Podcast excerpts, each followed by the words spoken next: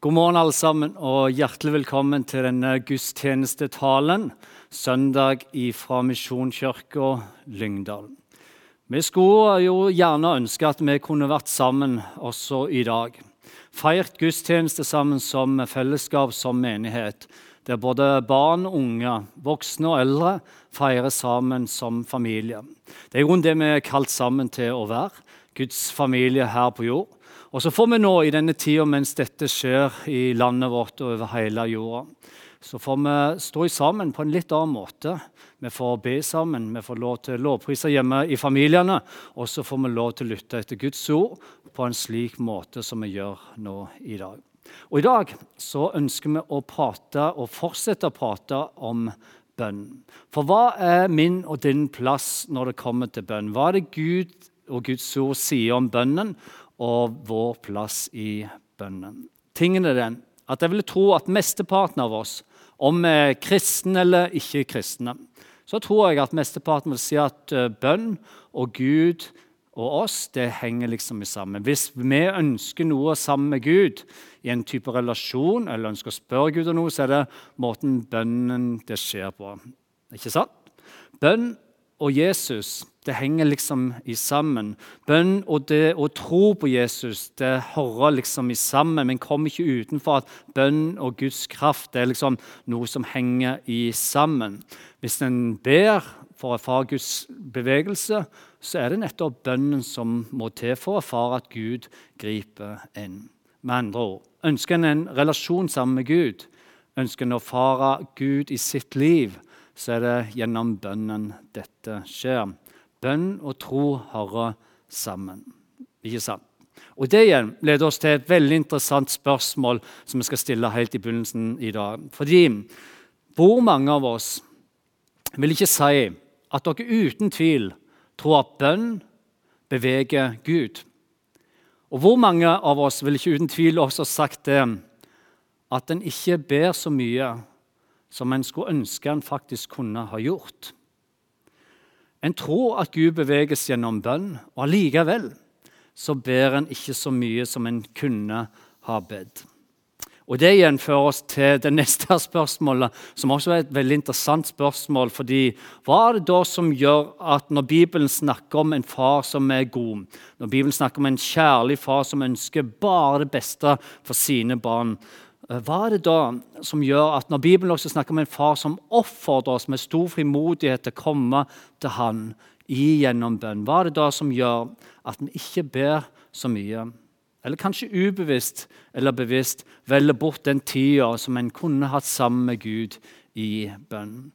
Og Svaret på det er kanskje mange forskjellige grunner. Og det er de helt sikkert. Og For noen av oss kan det handle om at vi tenker at det vi har å be om, er så altfor lite til at Gud trenger å bry seg om det. Vi har jo det bra her i landet, vi har velstand, vi har osv.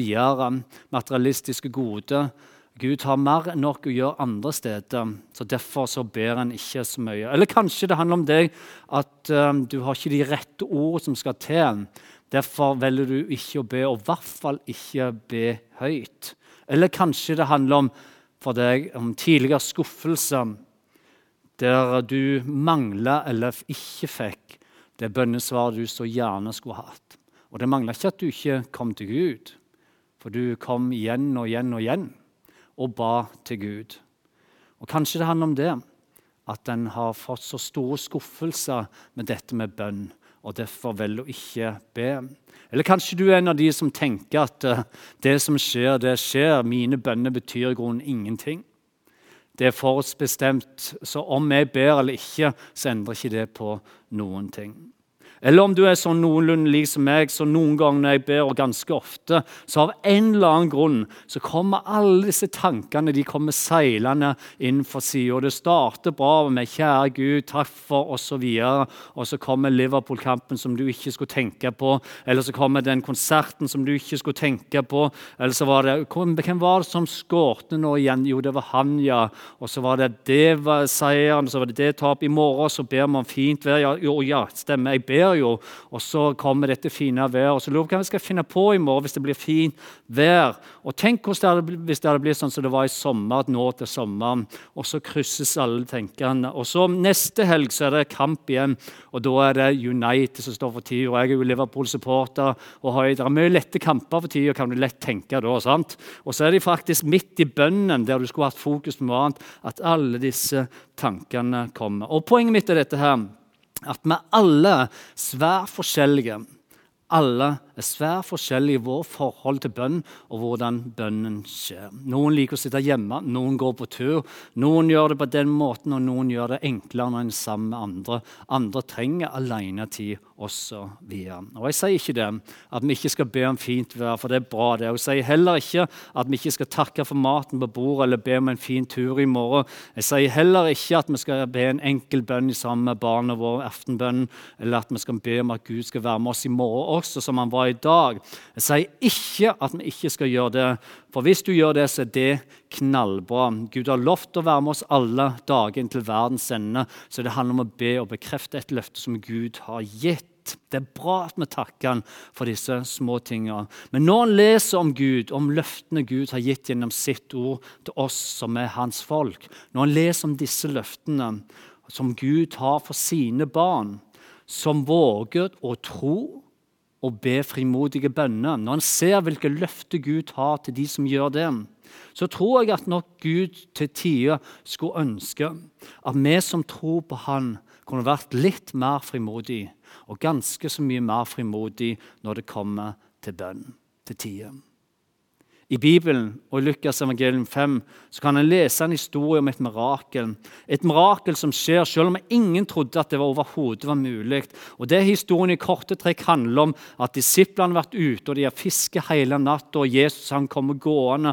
Han har mye folk med seg, og det begynner masse folk å samles rundt han. Disiplene er der, de har fisket hele natta og de har ikke fått en eneste fisk. De har kasta garn, droget garn, kasta garn og droget garn uten å fått så mye som en eneste eneste fisk. Jesus kommer gående med masse folk etter seg. Og Det er i denne situasjonen at Jesus spør Simon, som skulle bli Peter, Simon, kan jeg få låne båten din. Det er så mye folk som trenger seg på. Jeg trenger å komme litt fra land, slik at alle kan få høre når jeg taler. Jesus stiger opp i Simons båt, han får låne båten, og de legger utpå. Og etter talen er ferdig, så sier plutselig Jesus til Simon, Simon, legg ut på dypet og sett garnet til fangst. Noe Simon Peter sier eh, Mester, det har seg faktisk sånn Tingen er den at Vi har strevd i hele natt, og vi har ikke fått en eneste fisk. Ingenting. Vi har kasta garnet, vi har dratt det igjen og igjen. Og vi vet, Det er ikke sånn at vi ikke vet hva vi holder på med, for dette har vi gjort i årevis, i generasjon etter generasjon. Vi kjenner denne plassen, vi vet med hva vi holder på med.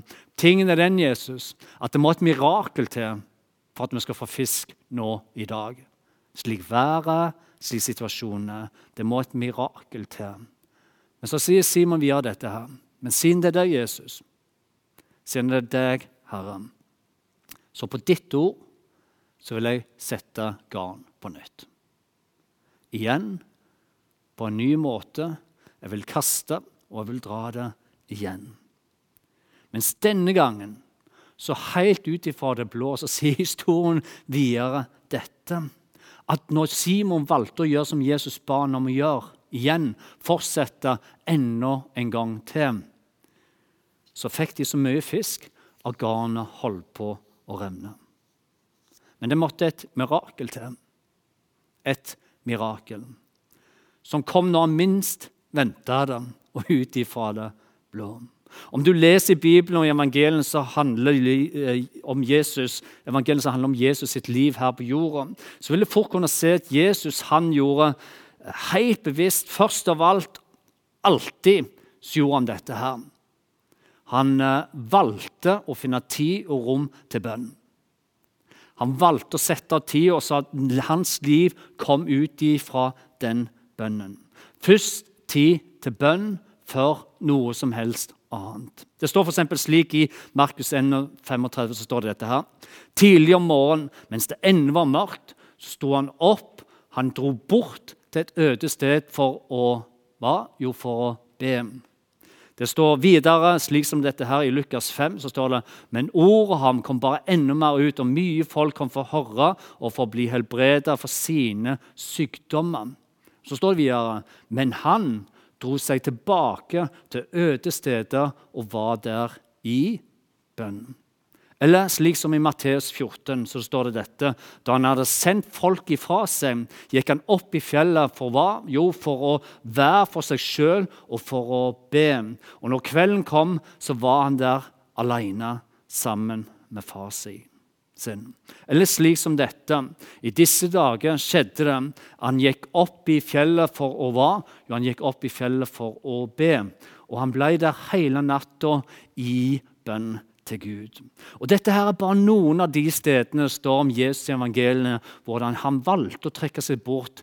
Først av alt være i bønn, være sammen i relasjon med sin far, i fellesskapet der. Hvorfor gjorde han det? Jo, for å finne sann fred. For å finne hvile i Guds nærvær. For å finne svar og finne retning på hva hans liv skulle gjøres videre, hva det skulle handle om. For kraft til det han måtte gå igjennom. Alt, ja, alt kom ut ifra denne alenetida sammen med far sin i bønn. Jesus han sier det sjøl slik som dette om dette. Sannelig, sannelig, sier dere, sønnen kan ikke gjøre noe av seg sjøl, men bare det han ser sin far gjør.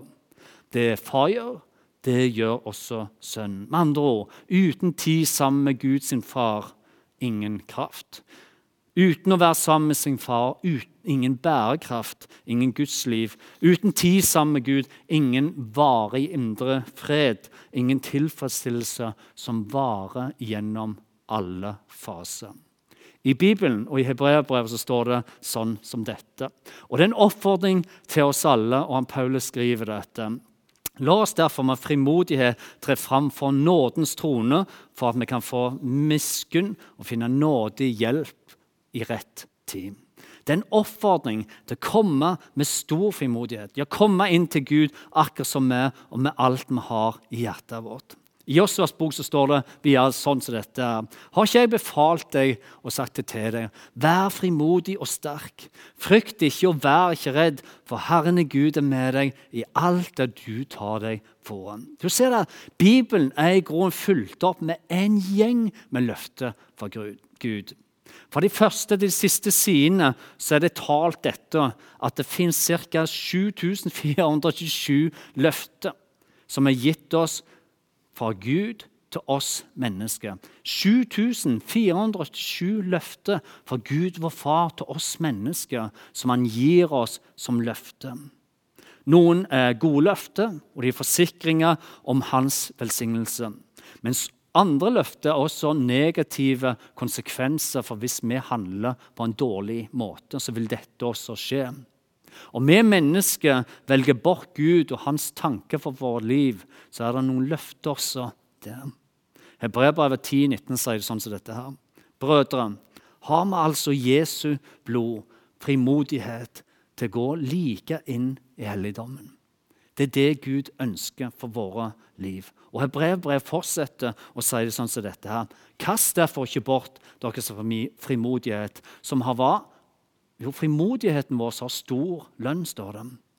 Og Selve ordet frimodighet er i grunnen satt i sammen av to ord. Der du har fri, og du har modighet.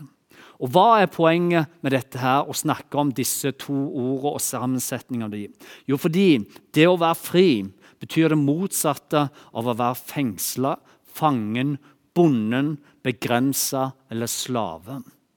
Når Bibelen sier tydelig igjen og igjen og igjen at vi skal være frimodige, så handler det om at Gud har gitt oss en frihet fra slaveri, fra lenkene, fra båndene, fra det negative som holder oss nede. Alt det er borte. Han har gitt oss en frihet til å komme med modighet til Han. Om du skulle ta det andre ordet i frimodighet og oversette det fra den greske grunnskriften, så vil du finne ordet paraisia. Parashia. Det er et ord igjen som betyr og har mange betydninger for modighet, som åpenhjertighet. Det betyr sikkerhet. Det betyr å handle uten frykt. Det betyr å ha mot og ha tillit til at det Gud sier, det er sant. Og Noe som er veldig bra å få med seg i den forbindelse, er dette her.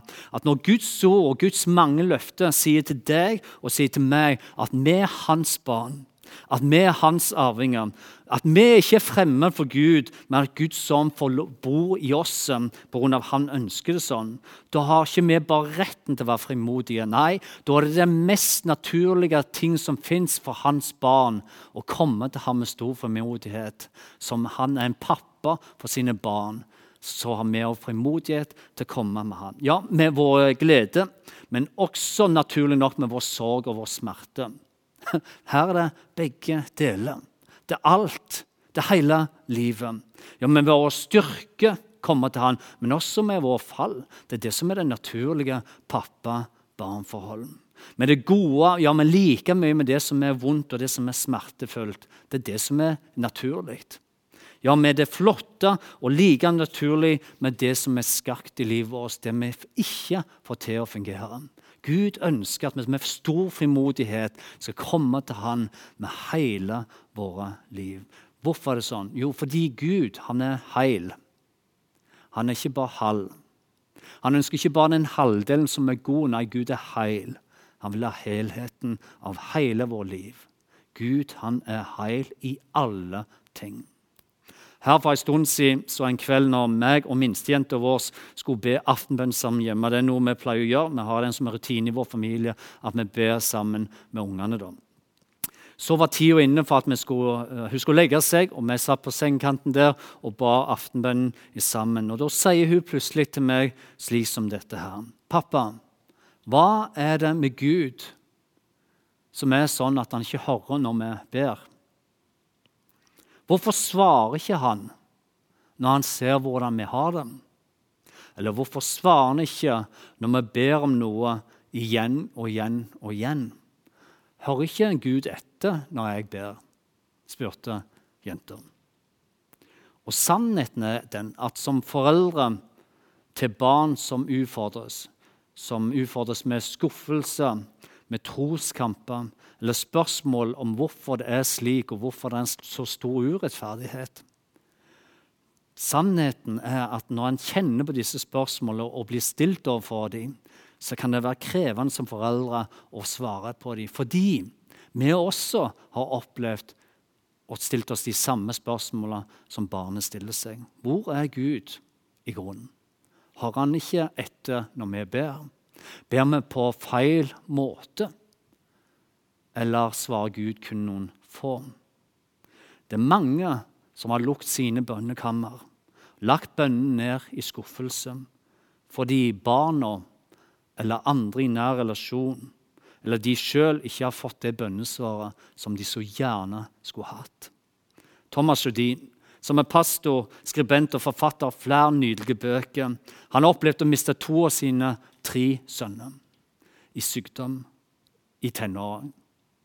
Det var en langsom prosess der sønnen ble svakere og svakere. og Thomas Judin sjøl sa at sønnens sykdom fikk Thomas Judin til å definere sin kristne tro helt på ny.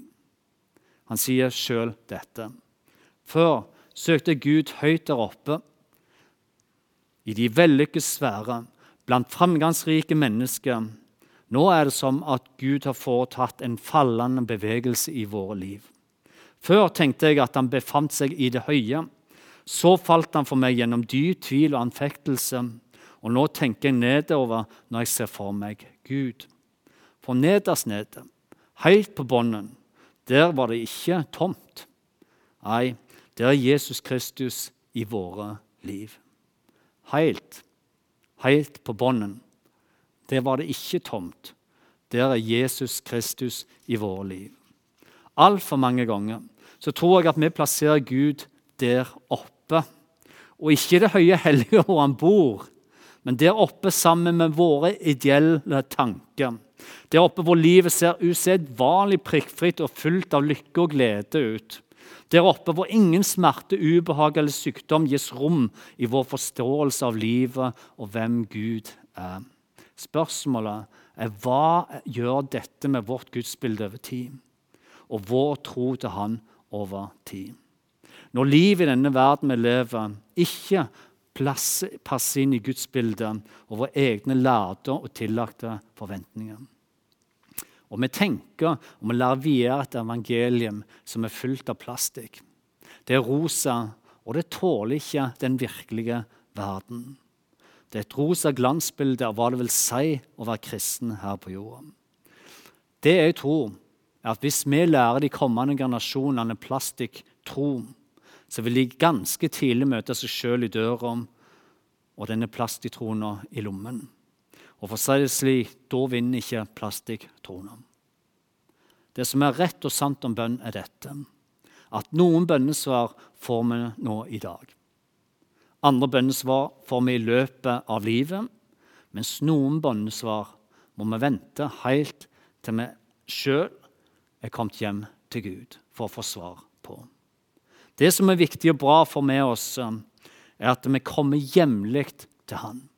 At vi våger å være frimodige i vår bønne til Han. I alle ting kommer til Han. Moder Teresa ble en gang spurt om sitt bønneliv og hvordan hun ba til Gud. Og Svaret hun ga til den som stilte spørsmålet, var ingenting. Ingenting. Og når de videre fortsatte, spurte henne og lurte men, men, men Gud, da, hva sier Gud da til deg når du ikke sier noen ting til han? Så svarte hun også ingenting. Gud sier ingenting. Men så stoppet hun ikke, men så sa hun videre dette. Men Gud lytter for det om jeg ikke sier noen ting.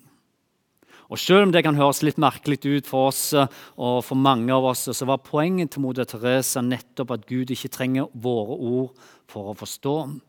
Det er ikke slik at han stikker av og forsvinner selv om ikke vi orker lenger. Det er ikke sånn at Gud ikke er med når ikke vi har ord som kan beskrive det en kjenner på. Det er ikke sånn at Gud ikke vil ha noe med oss å gjøre når ikke vi takler livet som vi tenker vi kanskje burde. For Jesus han er ikke bare på toppene. Jesus er ikke bare med når det er framgang og livet ser lyst ut. Nei, Jesus han er helt på bånn. Og der vi skulle ønske vi aldri møtte han. Men der er også Jesus. Når livet ikke funker, når vi ikke får det til som vi skulle ønske. Han lytter, og han støtter, og han bærer selv om ikke vi har ord. Thomas Sjødin skriver videre i boka si 'Mens du hviler'.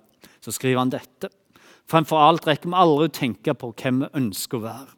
I en kultur der en fjær i hatten har mye å gjøre, der fullbukk er en statusmarkør og stillhet er synonymt med dovenhet, i en slik kultur blir hvile snart ikke mer enn latskap. Kanskje det er derfor vi unnskylder oss, forsvarer oss mot den og kvier oss for å oppsøke denne hvilen. Det å være alene sammen med Gud.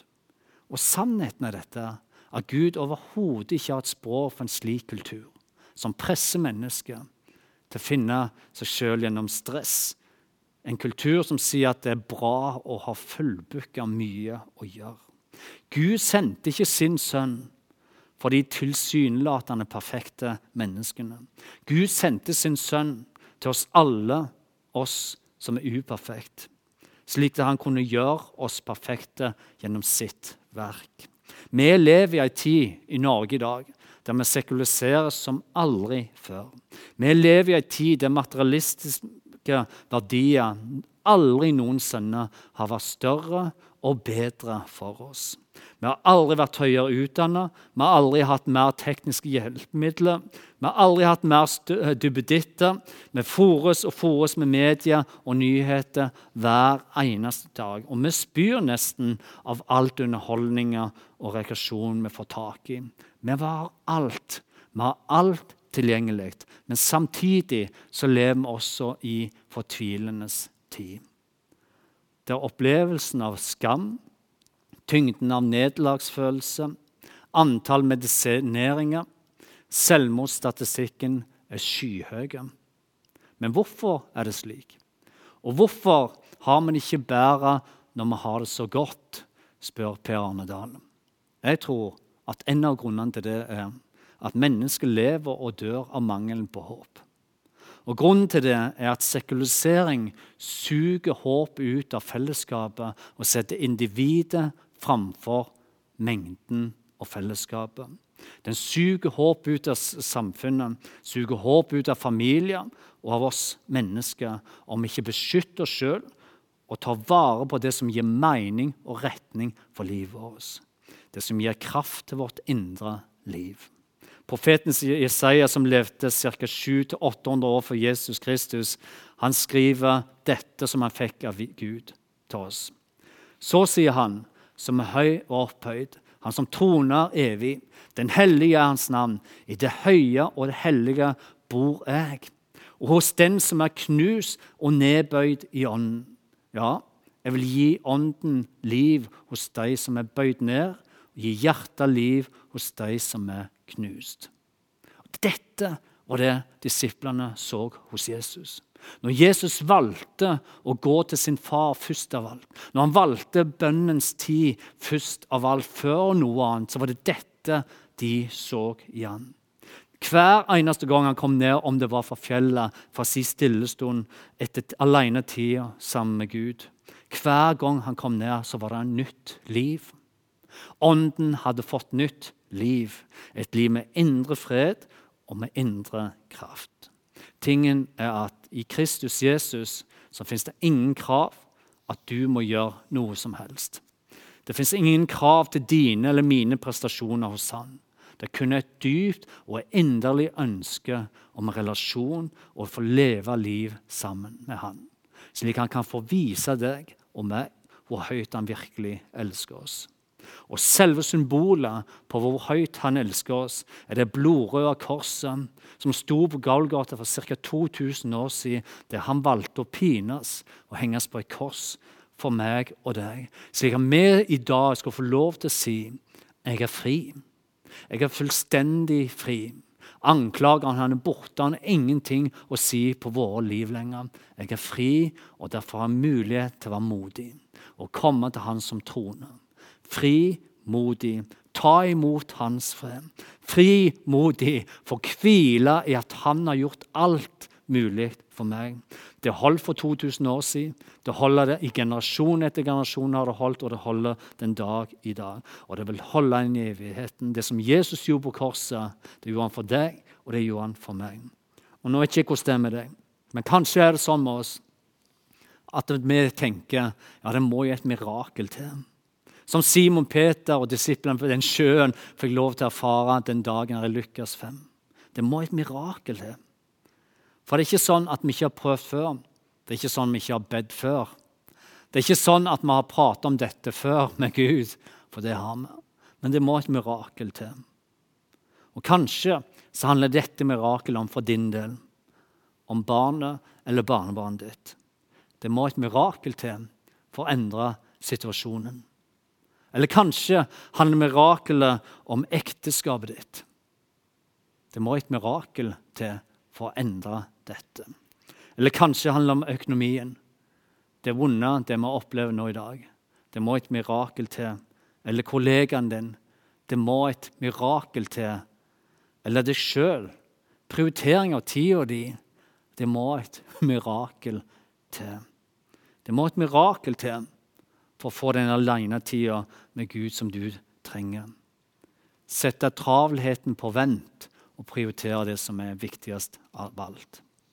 Eller kanskje det må et mirakel til for at du skal få slippe fri for det som du har båret med deg i alle disse år. Det som er bra å få med seg da, er dette. At Simon Peter, når han valgte å legge ut båten og legge garnet ut på nytt og kaste det på ny, så er det ikke det at han ikke hadde prøvd dette tusen ganger før. For det har han. Han hadde visst hva han holdt på med, og han visste at han var sliten og han var trøtt. Men allikevel så valgte han å gjøre det. Han valgte å tilbe. Han valgte å lovprise, og han valgte å ære Gud og takke Jesus idet han kasta garnet på ny. Fordi tilbedelse er mer enn en sang. Å gi Gud ære er mer enn bare ord. Idet han valgte å stole sjøl om han ikke forsto. Stole på Jesus selv om han ikke forsto det sjøl. Ja, han ærte Gud i det han valgte å fortsette uten å se resultat. Han ærte Gud fordi han stolte på det Gud hadde sagt. Det som er rett og sant om bønn, er dette. Noen bønnesvar de får vi i dag, som Simon fikk. Andre bønnesvar får vi i løpet av livet vårt. Men noen bønnesvar vil det være sånn med at vi får det ikke før vi kommer hjem. Vi kommer hjem til himmelen, til evigheten, sammen med Gud. Men kanskje så starter det nettopp med ditt og mitt mirakel nå i dag. Med å velge å falle. Falle ned med hele vår liv, med all vår tyngde, alt inn til Han. Som tar imot, som holder oss fast, som ikke skyver oss bort, men som omfavner oss og tar oss inn. Hele vår liv, med alt vi er det gode så vel som det dårlige. Det må vi huske på aldri glemme dette. At Gud gjennom sitt ord, gjennom Bibelen, gjennom profetene, gjennom evangelien, gjennom generasjon etter generasjon etter generasjon, sier til deg og til meg Kom, ja, kom. Vær frimodig og kom til meg. Gi aldri opp. Kom og våg å være nær. Det han sier til deg, det sier han til meg, det sier han til oss alle i dag. Vær i bønn med meg. Vær i relasjon med meg. Du er 100% elsket. Du er 100% akseptert. Bare kom til meg. Vær frimodig i Jesu navn. Amen. Skal vi be sammen til slutt. Gode Gud, vi takker deg for ditt ord. Vi takker deg, Herre, for at du oppfordrer oss å komme med stor frimodighet. Takk for at du sier at hver den som tror på deg, er 100% akseptert hos deg. Ikke pga. våre egne prestasjoner, nei, aldri det. Men fordi du valgte å dø for oss. Fordi du valgte å sette oss fri. Det er ingen snare for oss, det er ingen lenke for oss. Det er ingenting som holder oss igjen, Herre, fordi du valgte å sette oss fri. Takk for alle løftene som du gir til den som er fri. Du kommer til å holde hvert eneste ett av de løftene. Det som du starta, det kommer du til å fortsette, og det kommer du til å ende. Derfor du kaller alle dine barn, og du kaller oss ditt barn. Vi får lov til å komme til deg med alt vi har. Og så står det i et ord at den som har tunge byrder, som bærer tungt i disse dager, som kjenner at livet er ufordrende, og nå er det tøft. Det kan være ensomhet. Det kan være det som vi står i som nasjoner som på hele jorda. Herre, du har sagt den som bærer på tunge byrder, kan komme til deg og finne hvile. Vær nær den som er syk, den som sliter med ensomhet. Herre, vi takker deg for menigheten din, for dette fellesskapet. Må du bevare den enkelte av oss. I Jesu Kristi navn vi ber. Amen. Skal vi ta imot Herrens velsignelse? til slutt. Må Herren velsigne deg og bevare deg. Må Herren la sitt ansikt lyse over deg og være deg nådig. Må Herren løfte sitt åsyn på deg og gi deg sin fred. I Faderen, i Sønnen og Den hellige ånds navn. Amen.